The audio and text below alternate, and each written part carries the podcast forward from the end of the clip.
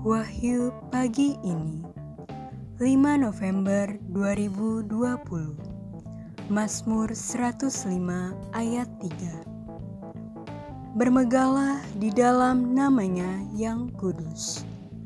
Biarlah bersuka hati orang-orang yang mencari Tuhan.